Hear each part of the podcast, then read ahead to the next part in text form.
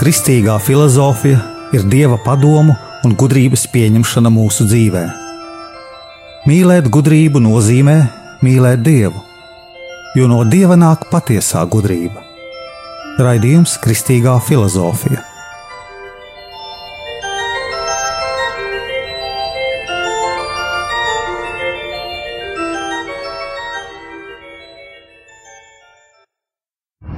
Mēs pie, pakavējamies arī pie mūsu disciplīnas saturā. Programmā. Kāda tā ir programma? Kāds tad ir saturs? E, kā teicu, e, pēc ievadu meklējuma mēs e, uzstādīsim filozofiski sistemātiskas e, e, religiozās e, būtības problēmu. Un dosim tūlīt mazu atbildi, īsu atbildi, bet tā kā īsa atbildi nav pietiekoša, tad mēs to izveidosim tālāk. Pirmkārt, saistot reliģijas filozofiju ar daudz plakšnīgā humanizma filozofiju. Ar daudz plakšnīgā humanizma filozofiju. Jo mūsu laikos cilvēki runā par humanismiem un humanismu vārdā atmet reliģiju.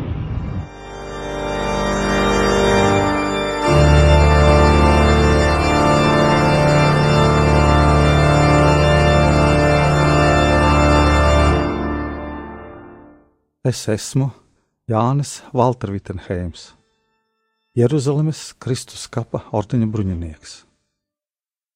Šajā raidījumā mēs dziļāk papētīsim humanismu un ko mēs viņā varēsim ieraudzīt.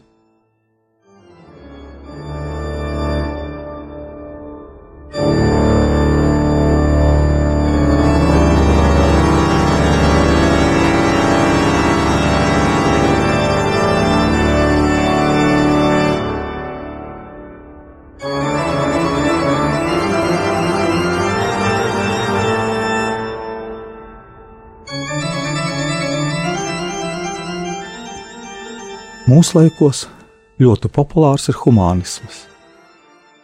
Tas izsaka kā to, ka mēs par galveno uzskatām cilvēku, un varētu teikt, ka rūpējamies par šo cilvēku, izanalizējot humanismu. Humanisma gnozioloģisko dimensiju varētu izcelt kā visu daudzplāksnīgā humanisma dimensiju. Jo tā pamatā liek īstenību, realitāti, lietas, cilvēka patieso saistību ar Dievu. Vienpusīgi skatoties, gnozioloģija ir prāta spēja pazīt patiesību. Ja prāta spēja pazīt patiesību būtu, bet nebūtu šīs reālās pasaules, kurā mēs dzīvojam, kurā mēs domājam un eksistējam. Ja nebūtu šīs realitātes, kas mums ar prātu ir saprotama, tad patiesības arī nebūtu. Būtu mūsu spēja izprast šo radīto dieva pasauli, bet šī mūsu dieva dotā spēja paliktu bez kādas realizēšanās.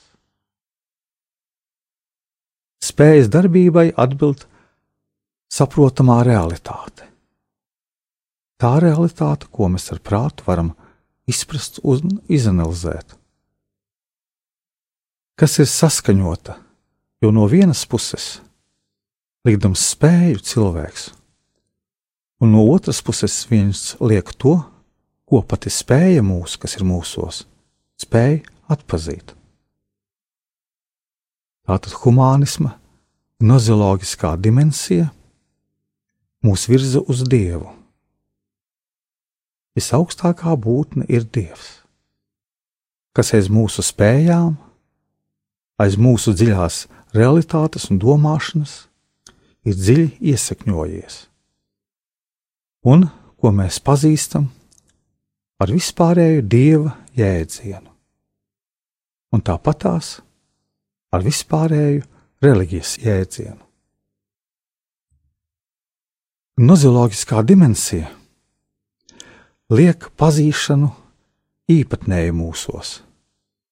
Viņa mūs glābj no ideoloģijas. Viņa mūs glābj no ikdieniskās informācijas, kas ir pasaulē, jo pasaulē ir ļoti daudz dažādu ideoloģiju, kas balstās uz idejām, bet nevis uz šīs realitātes, ko atzīst kristieši. Tātad gnozioloģiskā dimensija mūs pasargā no maldiem. Šī mūsu pazīšanu spēju pasaule ir arī ar struktūru izveidota. Ir sakārtota ļoti stingrā veidā, ļoti dabiski. Viņa balstās uz mūsu cilvēku dabiskajām dotībām un saistīta ar mūsu patiesības pazīšanu, ar dieva pazīšanu. Gnozioloģija rādīja vienu kritisko atziņu kopību. Tas ir dabiski kritisko realismu.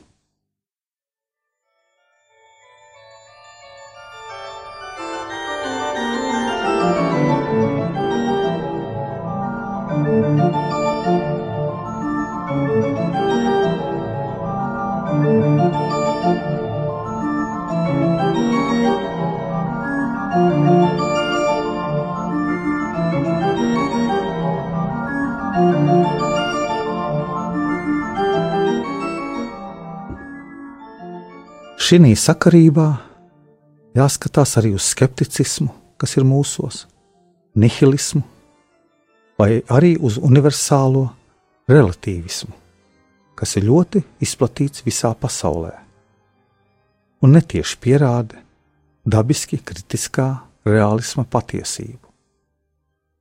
Un līdz ar to mēs arī varam noteikt šī dabiski kritiskā realisma vērtību. Līdz ar to šī refleksijā, šīs pārdomās par reliģiju, ietilpina daudzplākšņaino humānismu visā tā pilnībā, patiesībā un īstenībā. Ko mēs kā cilvēki varam izprast? Nozioloģiskā plāksne, nozioloģiskais skatījums tiek meklēt visā mūsu atziņā, mūsu izpratnē to, ko ietver antropoloģija vai daudzplākšņainais humānisms. Šī gnozioloģiskā plāksne vai skatījums veido mūsos pašu galveno stabilo īstenību, realitāti, lietu pareizo izpratni. Gnozioloģisko virzienu mēs varam saukt par visu humānisma daļu pamatu tāpēc, ka viņā atklājas humānisms visā savā pilnībā, nebalstoties uz ideoloģijām. Pamatojoties uz gnozioloģiskās šīs virzības vadību, mēs tagad varētu ieiet šajā pētījumā un iekšēji izpētīt šo saikni, kas iekšā gnozioloģijā šo iekšējo dimensiju. Iekšējā dimensija tas nozīmē mūsu garīgā pasaule. Turpinot šo pētījumu par reliģijas iekļaušanu šī daudzplāksnīgajā humanismā, ir noteikti jāņem vērā viens ļoti svarīgs faktors. Ka cilvēkā eksistē divas augstākās prāta spējas. Pirmā prāta spēja ir pats prāts, otrā prāta spēja ir mūsu griba, kas ir brīva, neatkarīga, un neviens viņu nevar iespaidot. Lai filozofiski ieskatītos cilvēka personas iekšējā dzīvē, un izpētītu šīs dzīves raksturu un īpatnības, ļoti švar, svarīgi šie divi aspekti. Mūsu iekšējā pieredze, jeb intuīcija, liecina, ka pateicoties prātam, mēs pazīstam to, ko mūsu jutekļi nevar uztvert. Mūsu prāts atšķir lietas, ko mūsu jutekļi neredz, nejūt un nevar viņus nolikt kaut kādā jutekliskā skatījumā. Jutekļu gnozioloģija ir jāizvērtē un jāatzīst, bet tad var sākties lielas kļūdas un maldi, ja mēs atzīsim tikai to, ko mēs jūtam ar saviem jutekļiem. Mums pazudīs mūsu garīgā realitāte, jo jutekļi pazīst realitāti. Arī, bet šī pazīšana ir tikai mūsu pazīšanas sākums. Visu pasaules lietu pazīšana, ko mēs ar saviem jutekļiem uztveram, turpinās mūsu prātā. Mūsu prāts to apstrādā, izanalizē un izvirza teoriju, ko izpilda vēlāk mūsu griba. Cilvēka prāts pazīst būtības.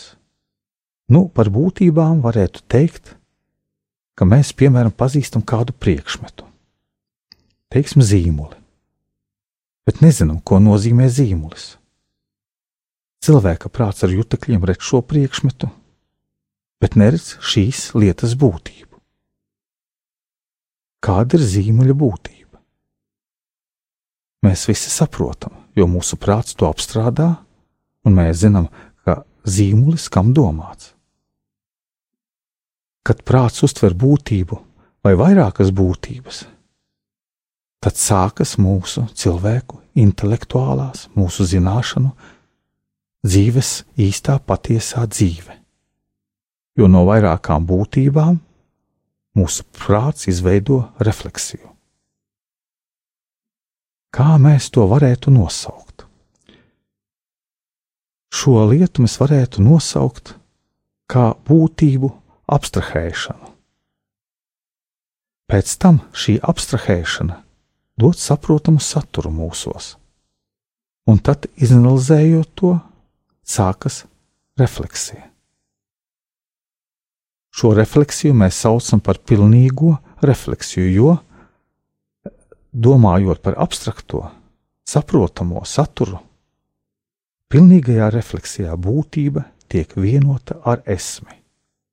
Būtība un esme eksistence lietu izveido būt.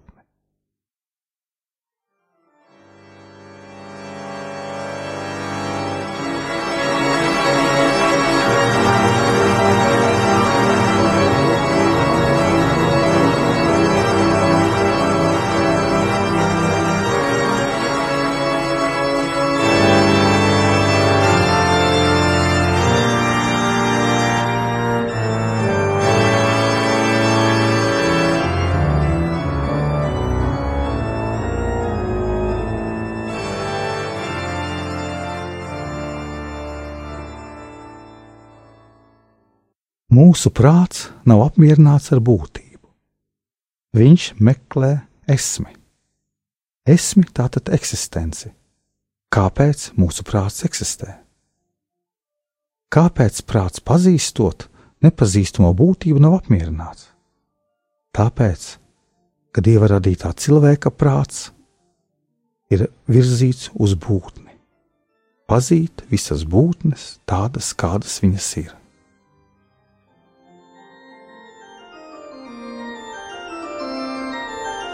Izskanēja raidījums Kristīgā filozofija. Jūsu prātam, jūsu sirdī, jūsu dzīvēm.